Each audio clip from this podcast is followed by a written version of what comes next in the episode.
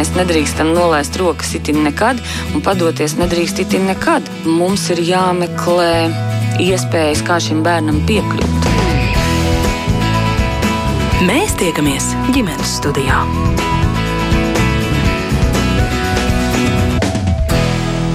Labdien! Pusauģa vecumā mainās ne tikai tas, kā bērns uztver sevi un pasauli, notiek būtisks izmaiņas organismā. Ķermenis turpina augt un iegūst jaunas formas, un nereti pusauģēta vairāk vai arī kļūst izvēlīgāk ēdienu izvēlē. Kā veselīgi pāēdināt izsalkušu pusaudzi, lai no rīta vecāks nepārsteigtu tukšs leduskapis, es mairidz notiņu jautāšu studijas viesiem, un pie mums studijā ir Bērnu klīniskās unver universitātes slimnīcas endokrinoloģe Jurgita Gailīte. Labdien! Labdien! Un pat tālruni šīs pašas slimnīcas uztur speciāliste Olga Ļubina. Labdien! Sveicināti. Bet vispirms vēršos pie doktoras. Tad, tad speciālists saka, pusauģa vecums šobrīd sāks desmit gados, turpinās līdz pat 18. Kā tas ietekmē, kas vispār notiek? Nu, varbūt atgādiniet pavisam īsi tajā organismā, ar ko pusauģa organisms atšķirs no bērna vai no pieaugušā. Tas nu, īsi droši vien es precizēšu, ka pusauģa vecums nav no 10 līdz 18. Jās, e, pusauģa vecums var būt ļoti atšķirīgs. Vienam sāktas daudz ātrāk, un vienam tas varētu process noritēt vēlāk. Un pašlaik pēc e, pasaules endokrinologu definīcijas no vecums, kad mēs sagaidām normālu fizioloģisko pubertāti, meitenēm ir no 8 līdz 13 gadiem, un zēniem no 9 līdz 14 gadiem. Tas nozīmē, nozīmē šī perioda mēs gribam ieraudzīt kaut vienu dzimumu nobriešanas pazīmi. Protams, tas process var ilgt līdz 18 gadiem, ja šī uh, pusauģu uh, nobriešanas, uh, nobriešana ir sākusies daudz vēlāk, ja? bet uh, tas ir tāds fizioloģiska definīcija. Bet uh, šī laika perioda, protams, izmainas daudzas lietas - psiholoģiskas, psihoemocionālas, uh, teiksim, seksualitāte, seksuāla orientācija tiek apzināta un fizioloģiski būtiskas izmaiņas, kad cilvēkam aktivizējas saucama hipofīzes hipotalāmus eh, zona, kas izdala hormonus, kas eh, tālāk sūta signālus uz mūsu, varētu teikt, um, um, arī hormonāliem aktīviem orgāniem, perifēriem, meitenēm uz olnīcām, zēniem uz sēkliniekiem, un tiek uzsākta dzimuma hormonu ražošana, kas, protams, veicina augšanu, veicina arī, varētu teikt, auglības sistēmas veidošanos un daudzus arī citus procesus. Kā tas ietekmē pusauģu ēstgribu? Tas tomēr notiek diezgan strauji. Protams, dzimuma hormoni var veicināt apetīti, apetītes uzlabošanos, bet eh, tas nenozīmē, ka vecākiem vajadzētu, teiksim, norakstīt, ka tas ir pusauģa vecums, ja cilvēkam palielinās apetīte. Bet vēlreiz atgādināšu, protams, apetīte var pieaugt, bet jāseko līdzi um, uztura paradumiem, uztura, varētu teikt, uzņemšanas regulātātei, cik ir daudz uzkodu, cik ir daudz saldumu šī laika it īpaši. Bet cik svarīgi, lai tā ēdienkarte būtu arī veselīga? Veselīgs uzturs vienmēr ir svarīgs gan zīdaiņu vecuma, gan bērnu vecuma, gan pusauģu, gan arī pieaugušo cilvēku vecuma, un viennozīmīgi vecumdienas arī jāēt pareizi un veselīgi. Olga, Ko jūs te vēl varētu piekrist, jo tiešām gribētos, lai arī pusauģi ēd veselīgi, kā viņu vecāki neredz saka, nu gal galā bērns taču aug, tur veidojas kaulu sistēma, zobi un tam līdzīgi. Uh, tieši tā, un uh, tieši tas ir tas iemesls, kāpēc tīpaši pusauģu gados vajadzētu tīpaši lielāku uzmanību pievērst uh, pusauģu uzturam, un tas nebūtu nav iemesls uh, bērniem pārtiks no atrām uzkodām un uh, vispār no uzkodām, uh, jo tieši tāpēc, kā jūs arī teicāt, tas ir pieaugšas organismu prasības, lai no, varētu notikt arī dzīvu nobriešanu, lai viss tas noritētu uh, maksimāli gludi un lai organismu nodrošinātu ar nepieciešamām uzturvielām. Šeit tieši vajadzētu pievērst mūsu uzmanību tam, lai uzturs būtu pilnvērtīgs, lai mums būtu sabalansētas maltītes, brokastis, pusdienas, launaks un vakariņas. Un attiecīgi šeit ir noteikti vajadzētu sekot līdz tam, lai būtu uzņemti šie saliktīvi oksbrāti, lai būtu pietiekami daudz olbaltumvielu, lai būtu uzņemt arī, teiksim, kvalitatīvas taukvielas, nevis kaut kādas trans augstskābes no ātrām uzkodām ar hotdogiem un, un, un, tādiem burgerīšiem visādiem. Jūs te raksturojat tās uzturvielas, kuras vajadzētu tiešām noteikti uzņemt, varbūt arī produktu nu, izteiksmē, kas tie, būtu par, pro, kas tie būtu par produktiem. Jā, es domāju, ka visiem ir ļoti vienkārši vizualizēt uh, mūsu šķīvi, un tad attiecīgi to šķīvi varētu sadalīt trijās daļās, kur mums ir, nu, var teikt, pusi no šķīvja. Ja? ir atvēlēta dārziņiem, ceturtā daļa ir atvēlēta graudaugiem vai kartupeļiem, un attiecīgi vēl viena ceturtā daļa varētu būt atvēlēta olbaltumvielu saturošiem produktiem, tad tā ir gaļa, zivs, olas, biesens, siers, pakšaugi, rieksti, sēklas, un kaut kur pa vidu cīt arī vajadzētu būt taukvielām, un tām taukvielām būtu vēlams būt teiksim, nepiesātinātām un nepiesātinātām tautskādēm, tas ir olīveļa, piemēram, vai, vai, vai kāda cita augu eļļa, ko pievieno klāt, piemēram, svaigiem salātiem. Var teikt, ka, piemēram, tajā brīdī, kad pusaudzim ir izteikti lielāka ēstgrība, šo šķīvi varētu bišķi modificēt, kur teiksim, to šī varētu sadalīt trijās daļās, tādās vienādās proporcijās, vai teikt, 3%, tad, tad tādā veidā bišķiņ palielinot oksidrātu saturošo šķīvijas sadaļu, kur ir tie graudaugi, piemēram, grīķi, rīsi, grūbas, mieži, kartupeļi tie paši, tiem arī nav nevainas, kā saka, un uh, attiecīgi bišķiņ mazāk varbūt tos dārziņus, tātad, uh, bet vienalga, uh, ne mazāk kā viena trešā daļa no šķīvja. Bet nu, tas būtiski neatšķiras no pieaugušā tāda veselīga šķīvja. Jā, bet nu, no kā tad vajadzētu izvairīties? Ko no kā vajadzētu izvairīties? No tā, kas visvairāk garšo arī pusauģiem, attiecīgi tās ir, ir dažādi saldumi, saldinātie dzērieni, ātrās uzkodas, dažādi čipši, krekeri, kaut kādi salītie rieksti. Es teicu, kaut kādi saldinātie piena produkti, to, ko arī pusauģi labprāt lieto un iekļaut savā ikdienas uzturā, neskatoties varbūt uz to, ka vecāki viņiem, mm, nu, kā saka, aizrāda par šo produktu lietošanu. Jurgita, ko jūs te gribētu vēl piebilst? Es īstenībā gribētu piebilst, ko jau iesāka Olga par to, ka uh, pusauģu vecumā, lai tas process augšanas un dzimuma nobriešanas noritētu veselīgi un bez nekādiem traucējumiem, tad nevajadzētu ļoti pārmērīgi, varētu teikt, ēst, ja, un pievērst uh, piebarošanai uh, pusauģu, un otra lieta savus pusauģus ļoti novērot attiecībā, lai neveidos tieši uh, uzturvielu neuzņemšana, tā saucamā anoreksija, kad mēs uzņemam nepietiekoši uztura un sākam badoties. Abi divi procesi var ļoti negatīvi ietekmēt augšanu un dzimumu nobriešanu. Ja cilvēks badojas, tad mums aizkavēties var pubertāte, mēne, mēneša reizes meitenēm un tā tālāk un tā tālāk. Ja mēs pārmērīgi ēdam, tas var veicināt jau agrīna vecuma sākties pubertāti, un tas ir raksturīgi ļoti meitenēm, ka pubertāte, teiksim, var veidoties 6-7 gadu jau vecuma dēļ pārmērīga svara, un, protams, pēc tam arī var būt gan mēnešu reižu traucējumi, gan arī uh, papildus apmetojums var uh, rasties, un, tā, un arī citi daudzi traucējumi. Tā kā vecākiem ļoti jātur balansu starp uzturu un, varētu teikt, uzņemšanu, uh, ka nav tā, ka visu laiku cilvēks ēt, un ja viņš nav pāēdis vai izlaidis ē, nu, iz, ēdienreizi, viņam obligāti kaut ko jāpiedāvā, kaut ko apēst. Ja? Tas, kas viņam garšo, Es teiktu šādi, ka pašlaik Latvija ir gan pietiekoši daudz pieaugušo ar lieko svaru, gan arī bērnu, gan arī pusauģu. Ja? Un uh, arī pandēmijas laikā tiek novērots pieaugošs vispār ēšanas traucējumu uh, pusauģu uh, vidu skaits, ja? gan, teiksim, tā pati badošanas, gan kompulsīva ēšana, gan pārmērīga ēšana, citas visādas lietas, kas izlien ārā ārsta kabineta. Tā kā šīs ir ļoti trauksmēnas laiks gan bērniem, gan, gan arī vecākiem, gan arī ārstiem un arī daudziem izglītības, varētu teikt, skolotājiem, kas Jā. iesaistīti šī procesa. Jā, par ēšanas traucējumiem ir bijuši ģimenes studijas raidījumi, un par to varbūt šoreiz nerunāsim, Jā. lai gan tieši arī tie sāks pusauģu vecumā.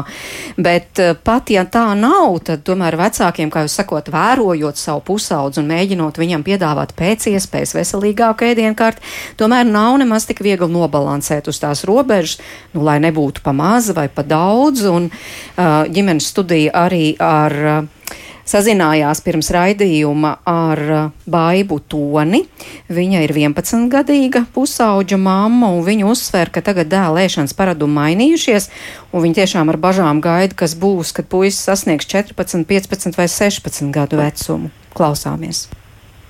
Bez gaļas, bez uh, zivīm un piena, un arī olām paēst nav iespējams ja viņš bija mazāks un varēja, teiksim, no kaut kādām putrām vairāk un, un, un tādām plikākām zupām paēst, tad patreiz bez tādas gaļas, nu, nē, es nespēju iedomāties. Jo pretējā gadījumā, ja nav šī gaļa reizi dienā, kaut kas, kur ir gaļa, vai tā ir vienkārši uzgrilēta, vai tas ir uh, zupa uz gaļas bāzes, tad ēšana ir bez mazliet nepārtraukti, jo, teiksim, ja ir situācijas, kad mēs esam kaut kur ārpus mājas, un uh, ātrās ēšanas, kas ir uh, kaut kādi McDonald's, burgeri, rapi, nu, visādi šādas lietas, tad nu, skaidrs, jā, ka viņš pēc stundas, divām atkal gribēs ēst. Un, ja tas gadu atpakaļ, kad viņam bija tie desmit gadi, tas tā lēnām, lēnām uz to virzījās, tad tagad jā, tas paliek arvien izteiktāk un izteiktāk. Kas tad ir tie pamatēdieni, kas viņam garšo, ko labprāt ēd un pēc kuriem tiešām ilgāk saglabājas sāta sajūta? Rokas spīs, tā ir putra un augļi vai ola un augļi, maize ar sieru, rupmaize, augļi, tas ir nemainīgi. Var teikt katru dienu, pusdienas noteikti tā ir gaļa. Tie ir sautējumi ar gaļu, rīsi ar grilētu gaļu. Jo, ja sākumā, kad bija desmit gadi, kad es sāku pamanīt to, ka viņš ēd ar vien vairāk un vairāk, kaut ko pišķiņu pēd, un tad atkal un atkal un atkal, tad es sapratu, ka cept nē, ka nav baigi forši, kad teiksim, visu laiku kaut kas tiek cepts. Attiecīgi, nu jā, es iegādājos, kur visu šo gatavot. Ir multivāre, tas ir aerogrils, kur bez taukvielām tiek arī gatavots šis ēdiens. Un jā, tas ir visāda veida gaļas, nu un vakarā tas ir zupas. Bet arī uz gaļas bāzes, viņa ir tāda vairāk sātīga. Un, ja viņš, teiksim, man pēda kaut kur ap septiņiem, pus astoņiem pēc skolas, viņš divās skolās mācās un, un kaut kādiem treniņiem, tad šajos septiņos, pus astoņos viņš man pēda tādu zupu, tad ir labi, tad viss ir kārtībā un vakarā tad ir kaut kādi riekstiņi, kaut kas tāds varbūt tiek uzgraus. Izklausās ļoti veselīgi ēdienu karte. Vienmēr tā ir bijis. Jā, es tā kā par to esmu piedomājis vienmēr, jo man ir tā iespēja, ka es varu veltīt tam laiku. Līdz ar to jā, tā ir bijis vienmēr. Vienīgais moments, kas mani tā kā rada bažīgu, es varētu teikt, tā ir, ka, ja šis ir 11 gados, tad kāds šis uh, gaļas patēriņš. Jo porcijās viņš neapēd daudz, normāli, manuprāt, priekš viņa vecuma. Tad, attiecīgi, es tā vienkārši iedomājos, ka savos gados 15 droši vien, ka tie izmēri būs lielāki porciju un ka tas viss, jā. Bet varbūt tas ir saistīts, ka viņš ir puika, jo man ir meita un uh, viņa jau ir liela, 20 gadi, un kad viņa bija brāļa tagadējā vecumā, 11 gadi, nebija nekā tāda. Viņa kā meitene nēda tik ļoti daudz. Mums studijā būs arī speciālisti. Vai jums būtu arī kāds jautājums, ko jūs gribētu noskaidrot? Jā, droši vien kā varbūt veidot šo ēdienu kārti tieši šim posmam, jo nav neviena diena, kad viņš nēstu gaļu.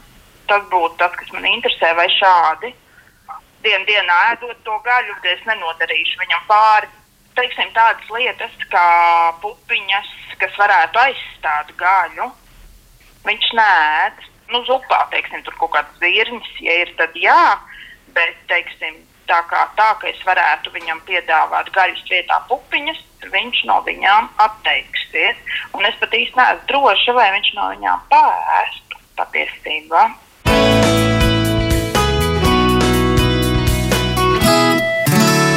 Nu, lūk, tāds baigas donas stāsts, un es atgādinu klausītājiem, varat arī savus jautājumus sūtīt mūsu studijas viešņām no Bērnu klīniskās universitātes slimnīcas endokrinoloģijai Jurgitai Gailītei un uzturspeciālistei Olgai Ļubinai. Uh, par to gaļu vispirms skatos uz Jurgi. Vai var būt pa daudz? Es īstenībā klausos, un man bija prieks, ka mamma pievērš uzmanību un ka viņai rodas jautājumi par tādām lietām. Es eh, droši vien kā nomierinātu, un tas pilnīgi normāli, ka pusauģu vecuma cilvēkam gribas, nu, kā latvieši saka, kārtīgo ēdienu, jo šī vecumā bērni sāk strauji augt, gan meitenes, gan zēni. Vidēji meitenes izaug 8-12 cm gadā un cēni vidēji 10-14 cm gada.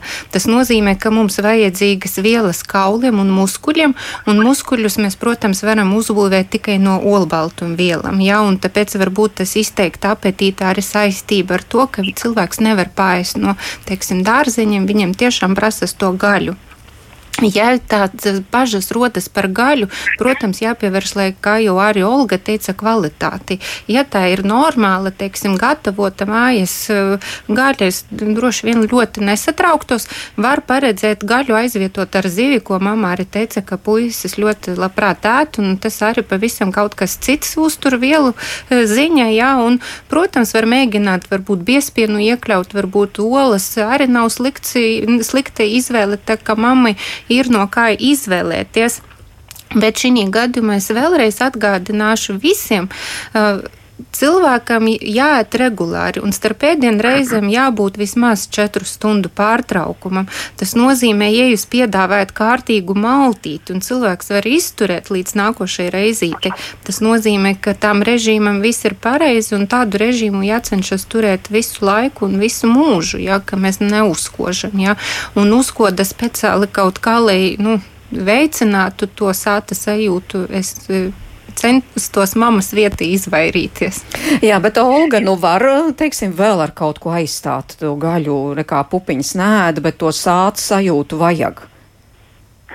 Tā, tā es jau, pirmkārt es teiktu, ka man bija prieks tiešām klausīties uh, mammas uh, stāstīto, un es uh, tiešām viņu apsveiktu ar to, ka viņas dienkārt ir sanākusi diezgan stabilizēta un pilnvērtīga, un par to mammai arī liels paldies kas attiecās uz olbaltumu saturošiem produktiem, tad attiecīgi, jā, mēs varam rekomendēt aizvietot gaļu ar citiem olbaltumu saturošiem produktiem, un kā jau arī Jurgis minēja, tā būtu, piemēram, tā pati zils, tās ir tās solis, ko arī puisis labprāt arī brokastīs iekļauj ēdienkartē.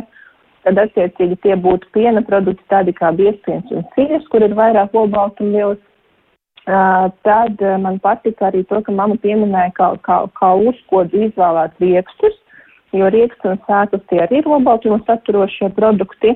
Nu, un tas sanāk, ka vienīgā uh, produktu grupa, ko um, bērns tā kā nelabprāt iekļauj uzturā, uh, tā, tas ir tie ir pakšaugi. Nu, es teikšu, ka mammai droši vien būtu jāpriecājas par to, ka no visiem šiem te iepriekš pieminētiem produktiem puisis nē tikai pakšaugus, un, un kā saka, tad, tad tas nu viennozīmīgi mm, ir tāds uh, arī apsveikums vēlreiz mammai par to, ka viņi ir diezgan, mm, kā saka, pie, līdz tam ir piestrādājusi un iekļāvusi vairākus produktu grupas uzturā.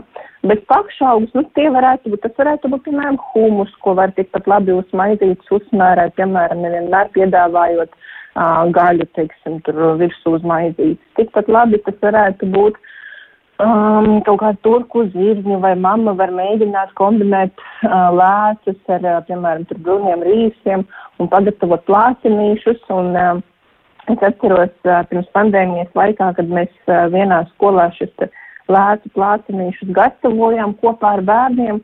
viens no, viens no puikām teica, ka garšo tā kā uh, burgera kotlete. Nu, es domāju, ka tā arī būtu laba alternatīva, uh, varbūt kādu dienu, uh, teiksim, aizvietot šo te gaļu, bet pilnīgi, teiksim, mammai satrauksies par to, ka bērns ēd tik daudz gaļas. Es domāju, ka nevajadzētu, tīpaši viņi saka, tas ir, nu, tā kā vienu līdz divām reizēm dienā.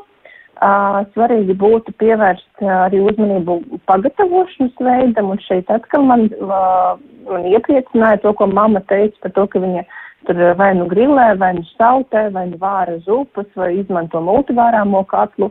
Līdz ar to izvairās no parlieku tauku uh, izmantošanas un cepšanas uh, taukvielās.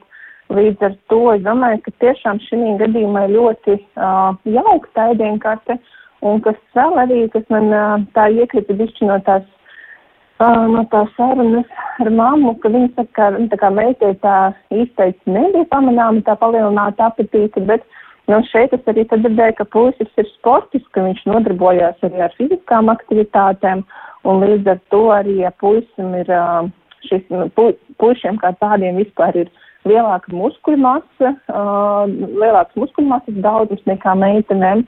Un, ja viņš ir uh, fiziski aktīvs, tad līdz ar to viņa organisma prasības ir vēl augstākas. Un, ja mēs tā skatāmies vidēji, tad, teiksim, bērnu vajadzētu vienu gramu olbaltu vielu uz kilogramu diennaktī, tad pusauģu gados tas ir 1,1-1,2 grami olbaltu vielu uz kilogramu diennaktī. Un, uh, ja tā slodze ir lielāka, tad arī tas daudzums varētu būt nedaudz palielināts. Bet uh, idejiski uh, es teiktu, ka šeit tiešām es neredzu nekādas lielas problēmas. Tieši otrādi, kā saku, mammu var apsveikt un, un pateikt, ka viņa tiešām milzīgu darbu ieguldījusi bērnu o, ēdināšanā.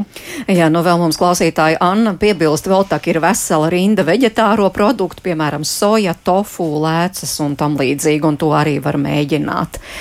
Es jā, Jurgit, jā. domāju, es nezinu, kā Olgas viedoklis par soju un tofu, es teiktu, ka ar šiem produktiem jābūt ļoti uzmanīgiem, jo viņi no endokrinologisko viedokļa iedalas fitoestrogēnos, jā, mm -hmm. sievišķo, tā kā varētu teikt, hormonu veicināšanu ēdināšana, un puisim droši vien, ka es neieteiktu šos produktus lietot, īpaši pusauģu vecumā. No, tā kā ir tur kaut kāds atšķirības. Jā, es teiktu uzmanīgi, es teiktu kārt. šādi, ka tas būtu uzmanīgi ar šiem produktiem pusauģu augošam organismam, jo tas noteikti neveicinās muskuļu masas pieaugumu, bet tieši otrādi var veidot eh, nepareizas vietas tauku uzkrāšanai. Ja?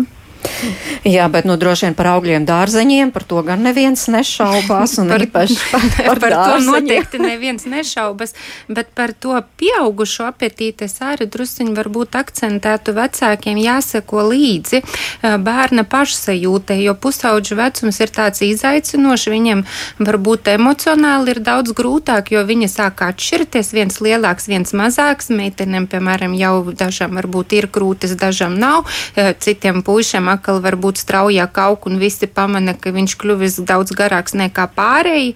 Protams, tur ir bīstamība, ir apcelšanai vai kaut kādai tur, teiksim, pajokošanai, kas, ko jaunieši uztver ļoti sāpīgi. Es noteikti, vai tas neveicina to apetīti, šāda veida nomierina sevi.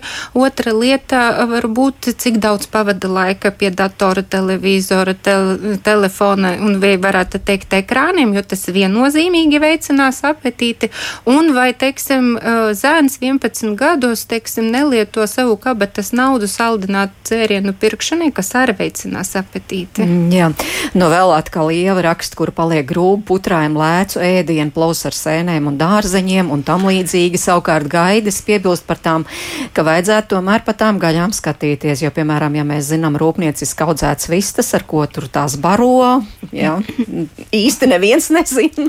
Es domāju, tas ir tik labi, jā, ja tur dominē un ir tik daudz ēdienu kartē. Domāju, ka šeit jā, vienmēr vecākiem jāizsver divas lietas. Ja mēs, piemēram, domājam, ka viss tas gaļa ir kaitīga, ko mēs tās vietā liksim tam bērnam, nu, varētu, ko mēs liksim šķīvi. Jo lielākoties gan Olga, gan es piekritīs, ka mēs saskaramies, piemēram, gandrīz pāri, pārkāpjot slieksni pie ārsta dzirdam, es nēdu kartupeļus, es nēdu makaronus, es nēdu baltmaizi. Un tad, kad tu sāc prasīt, ko viņš ēd, piemēram, nu tad tur es teiktu, tai tam kartupelim vai, nezinu, makaronam nav nevaina salīdzinot ar to, ko bērns tiek, to tiek, nu, to ēdināts. Nu, jā. piemēram, nu, tie paši jogurti saldināti. Ja viņš nē no rīta, teiksim, sviestmaizi ar gaļu vai, piemēram, ar sieru, ar kaut kādu tomātu, bet viņš dzer jogurtu vai saldo sieriņu apēt. Vai, piemēram, viņš nē kartupeļus, bet mamma, teiksim, viņam piedāvā kebabu. Ja? Es nedomāju, ka varīti kartupeļi un varbūt sautēta gaļa pēc uzturvielam sliktāka nekā, piemēram, nezinu, hamburgeris likts uz galda. Tā kā to ir ļoti kritiski jāvērtē. Es nesaku, ka nedrīkst ik pa laikam kaut ko šādu sev atļauties, bet par tādu vistas gaļu es droši vien mazāk satrauktos no vecāku viedokļa. Es saprotu, ka pašlaik ļoti daudz cilvēku ar specifiskiem uztura paradumiem kā vegetārieši, vegāni svaigādāji, bet tas ir pilnīgi atsevišķa tēma, kur var arī šķetināt un skatīties no pediatriska viedokļa. Jā, tas atkal ir cita Jā. raidījuma jautājums, bet kata, piemēram, par tām brokastīm.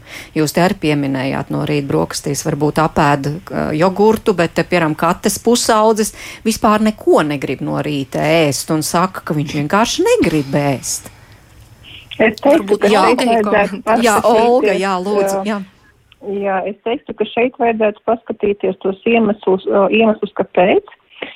Protams, ir tie cilvēki, kas var pāriest pulkstens septiņos vakarā un tad vienalga no rīta piecelties un viņiem nav ēstības. Viņiem vajag tomēr kaut kādu stundu, lai pamosties, lai tas organisms saprastu, ka nu, nu ir jāēd. Bet ar pusauģiem, ar bērniem visbiežāk samērā tā problēma slēpjas tajā, ka Viņam pēdējā e, ēdienreize ir ļoti vēlu, un tie varētu būt kādi pulkstens 9, 10 vakarā. Uh, ja tas bērns vēl pakluso un neaiziet pie pulkstens 12, kamēr visi guļ un nesēdās ma maizītes kādas. Uh, un tad, protams, ka no rīta pamostoties, uh, ēstgribas nav, tāpēc, ka vienkārši vēl ir tas salīdzinoši īsts laiks pagājis, kopš pēdējais ēdienreizes. Un nakts laikā tas gremošanas trakts uh, ir strādājis, tītīgi pārstrādājis visu apēsto, uh, un līdz ar to no rīta um, tam pusaudzim nav ne ēstgribas, viņam ir vairāk tāds nogurums, tāpēc, ka naktī visu, visu laiku tas organisms gremoja, visu to, ko viņš ir apēdis. Līdz ar to šeit vajadzētu pārskatīt varbūt vienkārši jā, ikdienas to ēdienreižu plānojumu un, un saprast, ko var mainīt, jo bieži vien tieši ir iemesls ir tā vēla ēšana. Un um, atbildot vēl par to komen, klausītājs komentāru par grūbām un, un par, par, par, par, par miežu putrainiem un tam līdzīgiem.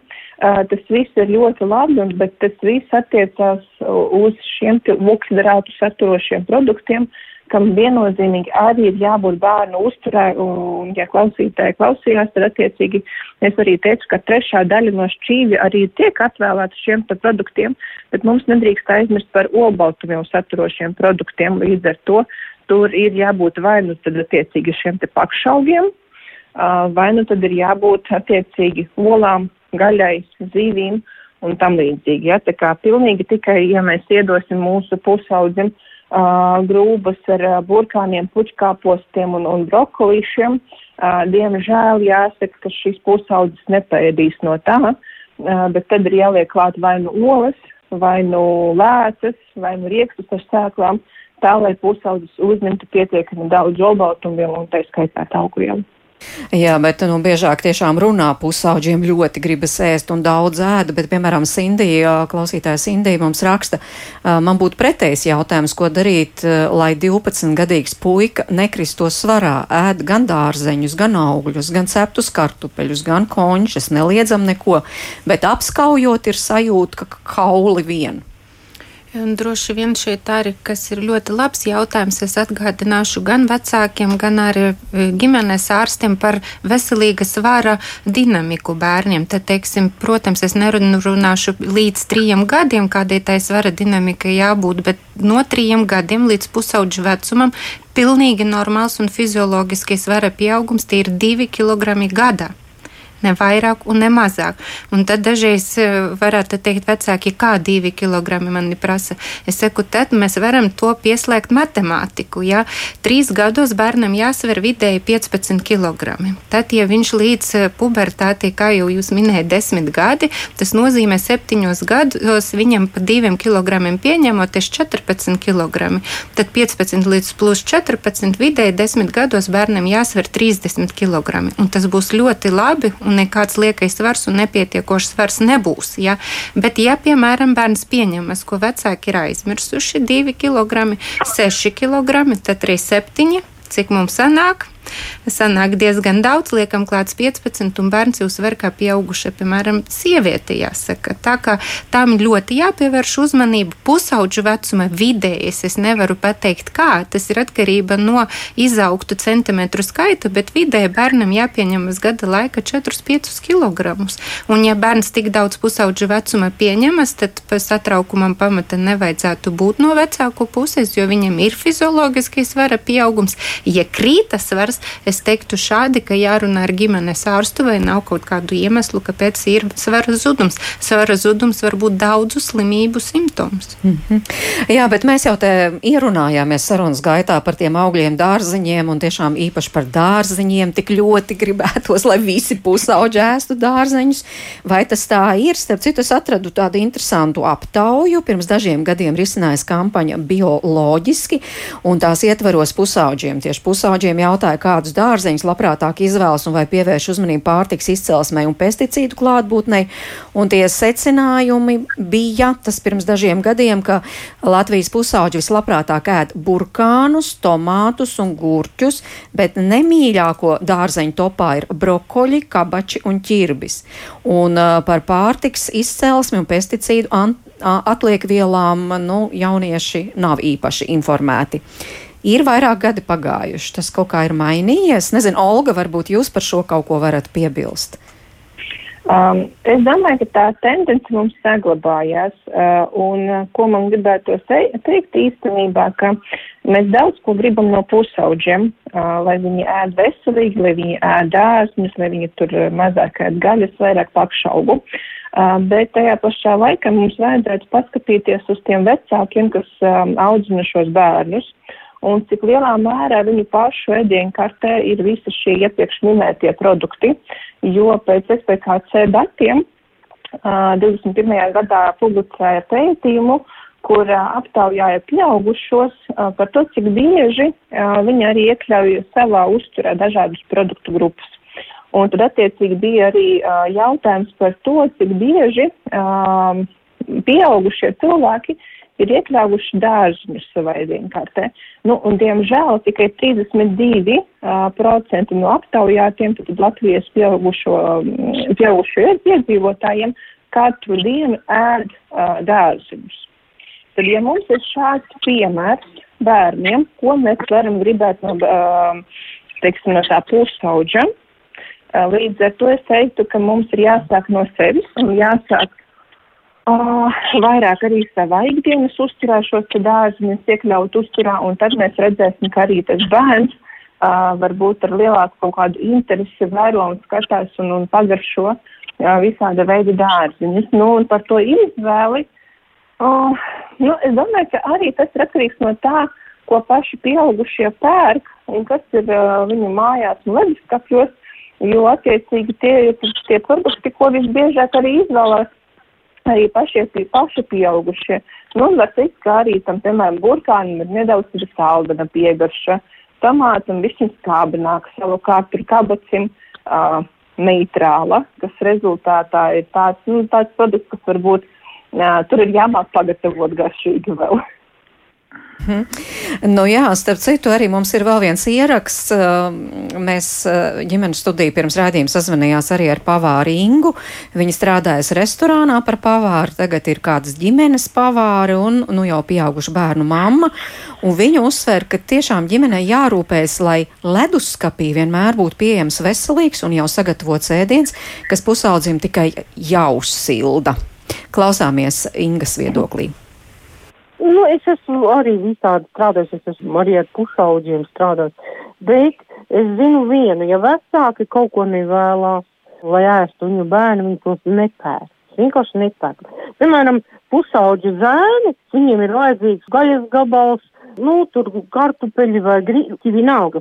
Man, piemēram, ir viņa ģimene, un arī man pašai mājās un sportisti bērni. Mums kopējam, ēdienreiz ir gokas. Nu, pēc tam visi ēda pakārtojās treniņiem, ja, un, un katram savā laikā darbs, treniņš, vēl. Tātad man stāvēja leduskapī, sagatavots viss, gan griķi, gan makaroni, gan kartupeļi, gan rīsi, un tad tur tādas gaļiņas, un tad tur tādas gaļiņas, ko mēs varam ēst pirms treniņa, kas mums ir jāēd pēc treniņa, lai viņi var atvērt to leduskapi un paņemt. Lai viņiem ir kūsu sildīt, jā, gatavs ēdiens. Un, ja tāda nebūs, tad viņš ēdīs no tā leduskapa to, ko vecāk būs nopirkus. Perāno šķīņķi, kaut kādas pusfabrikātus, kas būs, to viņi ir ēdīs. Nu, zēniem vieglāk, meitenēm jau, tu, teiksim, arī, jā, ja tev būs dārzeņa leduskapī, ja tev būs salāti, ja tev būs uh, sataisītas, teiksim, kaut kādas mērcītas priekš salātiem, tur kaut kāda sinepju medus mērcīta vai kāda grieķu salāta mērcīta, cēzara mērcīta, jā, vai sakomplektēt ko. Vēl viena lieta, ka pusauģiem ir uh, slinkums, ja viņš nevar paņemt gatavu. Piemēram, zīvi viņš varbūt ēdīs, bet viņi nav iztīrīti, diemžēl. Tātad vecākam ir jāiztīra tā zivs, viņa jāieliek tajā kārbiņā, viņš viņu apēdīs. Tāpat uh, kaut kādas gaļiņas, jā, tev cepetis, tu esi uztaisījis, negriezīs neviens pusaudzis, tev cepeža gabalu nesildīs, bet ja tu pūsi kā vecāks, viņu sagriezis un ielicis boksā, jā, leduskapī viņš stāvēs, viņš tur paņems un sakomplektēs sev savam ēdienam uz šķīvja.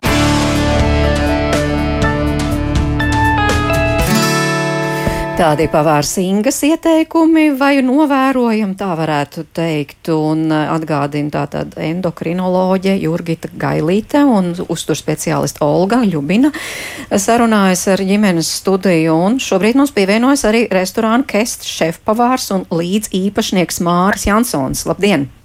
Labdien! Jā, nu, Māri, ko jūs sakāt, vai es nezinu, visiem droši vien klātesošajiem, tātad pusauģi ir pārāk slinki, lai no zivs izlasītu asakas vai paši nogrieztu, piemēram, cepešu šķēli. Ja māma vai tēts to būs izdarījuši, tad apēdīs, ja nebūs, tad nē. Ah, šī ir ļoti aktuāla tēma, un uh, droši vien, kad uh, man viņa kļūs arvien aktuālāk, jo man pašam tūlītās būs pusauģa mājās uh, vēl, vēl bišķiņa, un, un, un, un jā, zin kā, es, protams, varu spriest tikai pēc savas pieredzes, un, un, un visa ēdināšana uh, sākās tikai un vienīgi ģimenē. Um, Bet tas, protams, arī mainās, tad, kad bērns aiziet gan skolā, gan arī satiek savus vienaudžus un tam līdzīgi. Un tad, kad es saviem bērniem mācīju šķīvi, kad jābūt ir varavīksnē, jā, tad ir jābūt gan sarkanam, gan zaļam, gan, gan baltam, gan zeltainam, gan un, un, un, un tam tā tālāk. Kādu laiku, līdz gadiem sešiem, septiņiem, astoņiem tas strādāja, tagad vairs tas tik viegli nestrādā. Bet mans tas, nu, nenovērojams, bet Es varētu pateikt tā, ka uh, laba ēdiena sagatavošana un vispār piestrādāšana pie ēdiena mūsdienās aizņem ļoti, ļoti daudz laika. Uh, un tā kā laiks mums ir uh, tik, cik mums ir, un kļūst arvien mazāk, jo daudzas citas prioritātes dzīvē aizņem mūsu laiku, nu, tad attiecīgi arī mēs dabūnam tādu ēdienu pretī. Uh, bieži vien tas ir sasteigts, bieži vien tas nav tas labākais, kas ir izvēlēts. Un tur jau iepriekš viena runātāja tā mamma jau norunāja tādu ideālo variantu. Uh, un viņa arī pateica, ka tāpēc, ka viņa tam velta laiku. Un, ja jūs veltītu, ja mēs veltītu saviem bērniem vairāk laiku, tad arī uh, tas ēdiens būtu kvalitatīvs. Savādāk ir, ir jādomā kaut kādi citi varianti. Mm -hmm.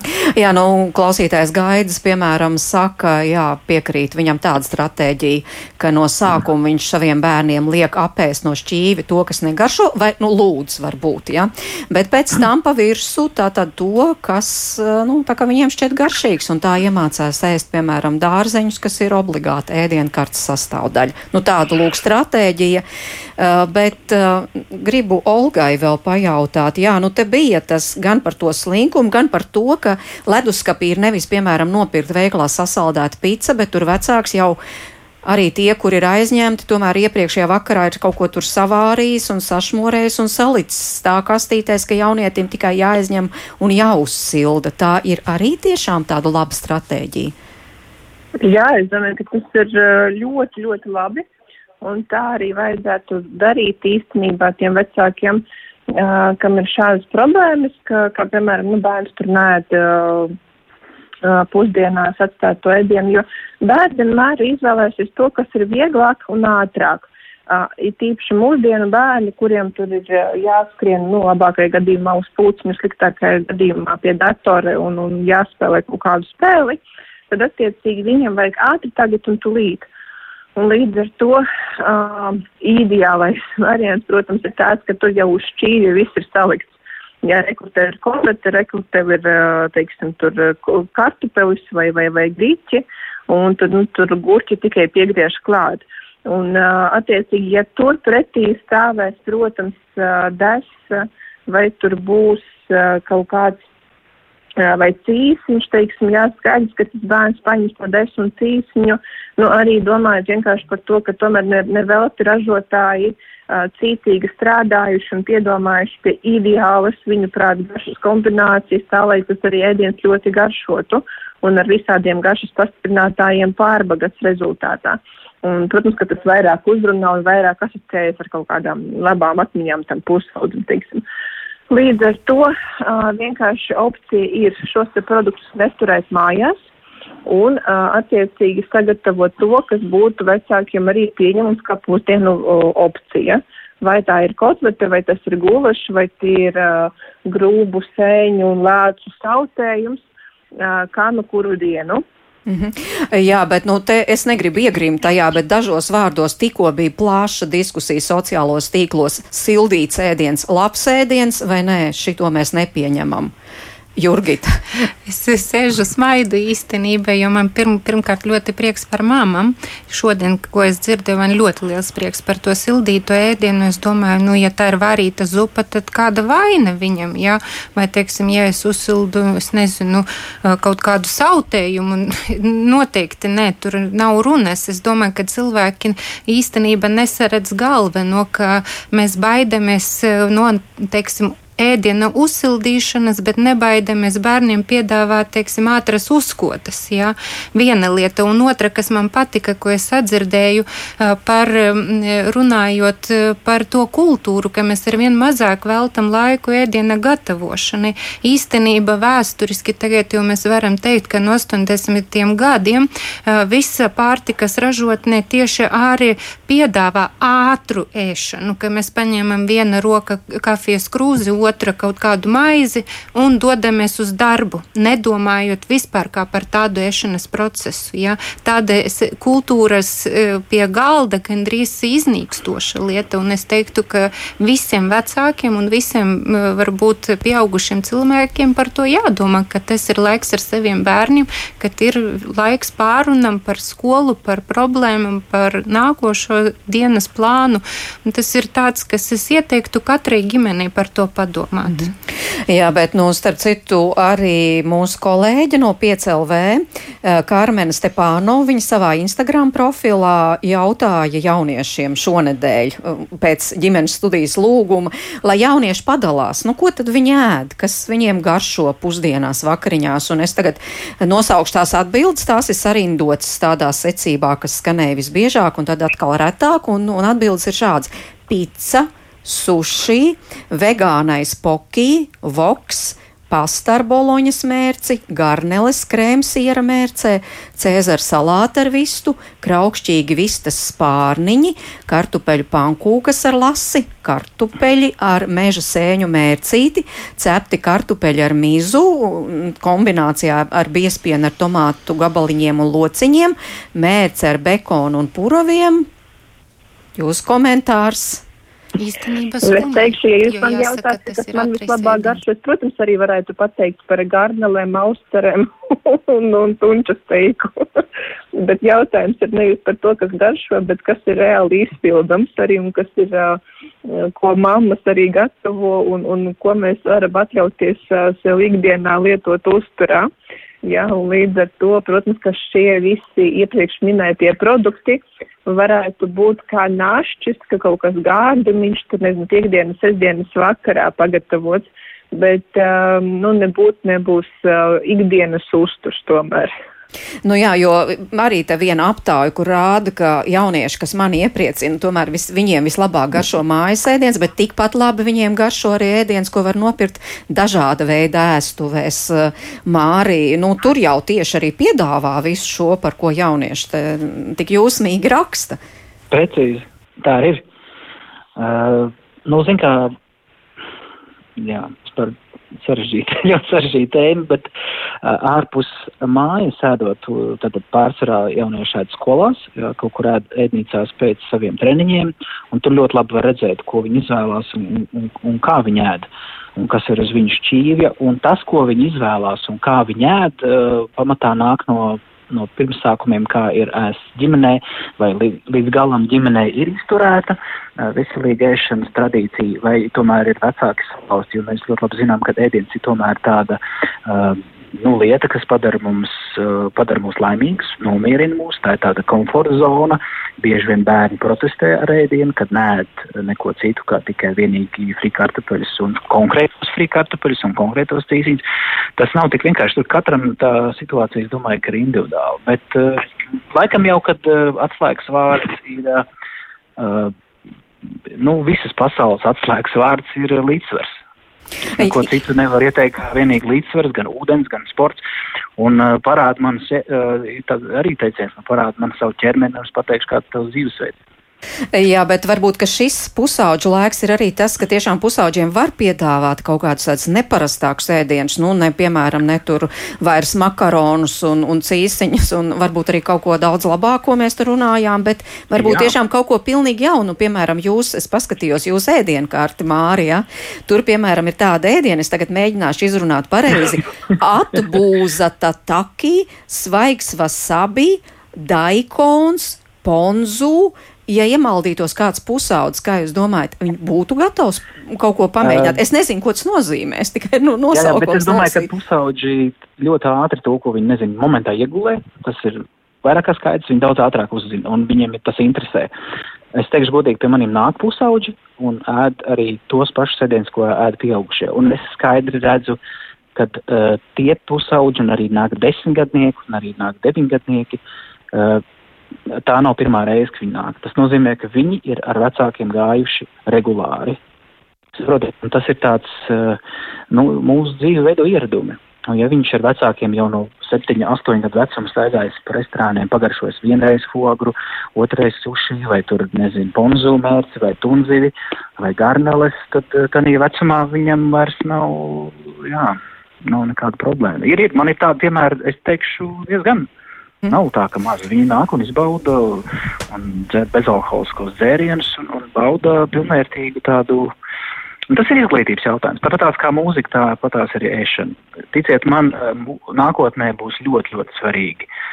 Ēdiens kā medicīna, ēdiens kā, kā, kā nu, tas būs viens no faktoriem. To jau mēs tagad redzam, kas notiek, kad mēs neuzņemam pareizi gan cukuru, gan pat daudz uzņemam, vai kaut kas pietrūkst. Un, un ir tehnoloģijas, ar kurām var visu atrisināt un, un uztaisīt analīzes un pārbaudīt. Un, Saka, jā. jā, bet varbūt, ka nākotnē arī šīs ēstos varētu kļūt par tādām vietām, kur tā kā piedāvātu arī padomāt, cik vērtīgs ir šis ēdiens. Un bija vēl viens pētījums, pavisam īsi mums tūlīt jābeidz, ka tieši pusauģiem piedāvāja, ka viņi aizgāja uz dažādām ēstuvēm, tur bija gan ātrās ēdināšanas restorāni, gan tur ādi, kur tā lēnām un mierīgi ēdu, izbaudot ēdienu, un uh, piedāvāja viņiem ēdienkartes, kurās bija arī kaloriju skaits un, un norādīts un uzturvērtība. Un un skatījās, vai pievērsīs vai nepievērsīs tam uzmanību, kopumā izrādījās, ka 80 jaunieši nepievērst tam uzmanību, un, un, un tas, tas viņu pasūtījumu neietekmēja, un tikai 20% apskatījās, oho, novērtēja un mainīja savu pasūtījumu.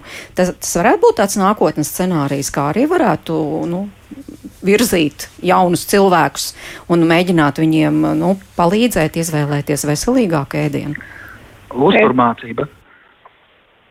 Jā, es vienkārši gribēju piebilst, bišķiņ, ka ir, ir svarīgi nevis uh, fokusēt uh, bērnu un pieaugušo cilvēku uzmanību uz kalorijām, bet tomēr, uh, bet tomēr mācīt par to, ko reāli šīs kalorijas mums dod un kādu labumu mēs varam iegūt no šiem produktiem.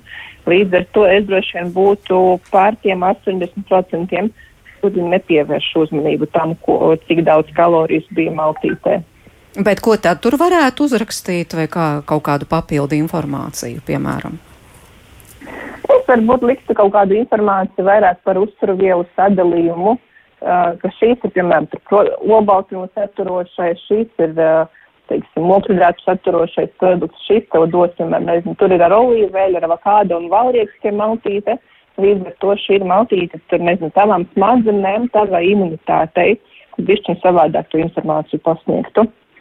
Nu, tad vēl arī mūsu klausītāja Jāņa piebilda, un viņš saka paldies par raidījumu, bet viņš raksta, ticiet, laukos vēl ar vien ēdiens ir sātīgāks, garšīgāks, daudzveidīgāks pilsētās, tas, ko pamatā pērk veikalos. Es nesaku neko par tiem, kur iegādājas tirgos. Nu, lūk, jā, Jurgita, ar jums mēs sākām sarunu, un ar jums arī jābeidz ļoti daudz dažādu aspektu, bet, bet tas viens vēstījums, ja vienā teikumā jums tagad jāpasaka, bet, nu, mīļie vecāki, kuriem ir pusauģi, tad kā? Komentāru man ļoti sašāva pusauģu aptauja. Jāsaka, tas parāda Covid pandēmijas tendenci, ka ēdiens netiek gatavots bērniem, bet pasūtīts. Jā, tas, es domāju, ka visiem jāsāk par to domāt, gan speciālistiem, gan vecākiem. Un vēl viena lieta, ka es gribētu varbūt pateikt, ka kustības ar saviem bērniem un kustības bērniem vispār vajadzētu būt tāds numur viens Latvijas izaicinājums nākotnē pēc šīs Covid pandēmijas skolas, ģimenes, draugu loka un tā tālāk. Paldies par šo raidījumu. Es saku endokrinoloģijai Jurgitai Gailītei, uztur speciālistei Olgai Ļubinai un arī šefpavāram Mārim Jansonam. Paldies, ka atradāt laiku būt kopā ar ģimenes studiju. Paldies arī mūsu klausītājiem, raidījuma producenti Ilza Zvaigzne, Ivets Zvēniec pie skaņu pults un es Mārits Notiņu pie mikrofona. Rīt runāsim, ka Latvijā trūkst abas speciālistu un šī aba terapija var būtiski uzlabot dzīves kvalitāti bērniem ar autisku spektra traucējumiem, kādi tad ir risinājumi. Par to mēs runāsim rīt. Paldies, ka klausījāties un uz tikšanos!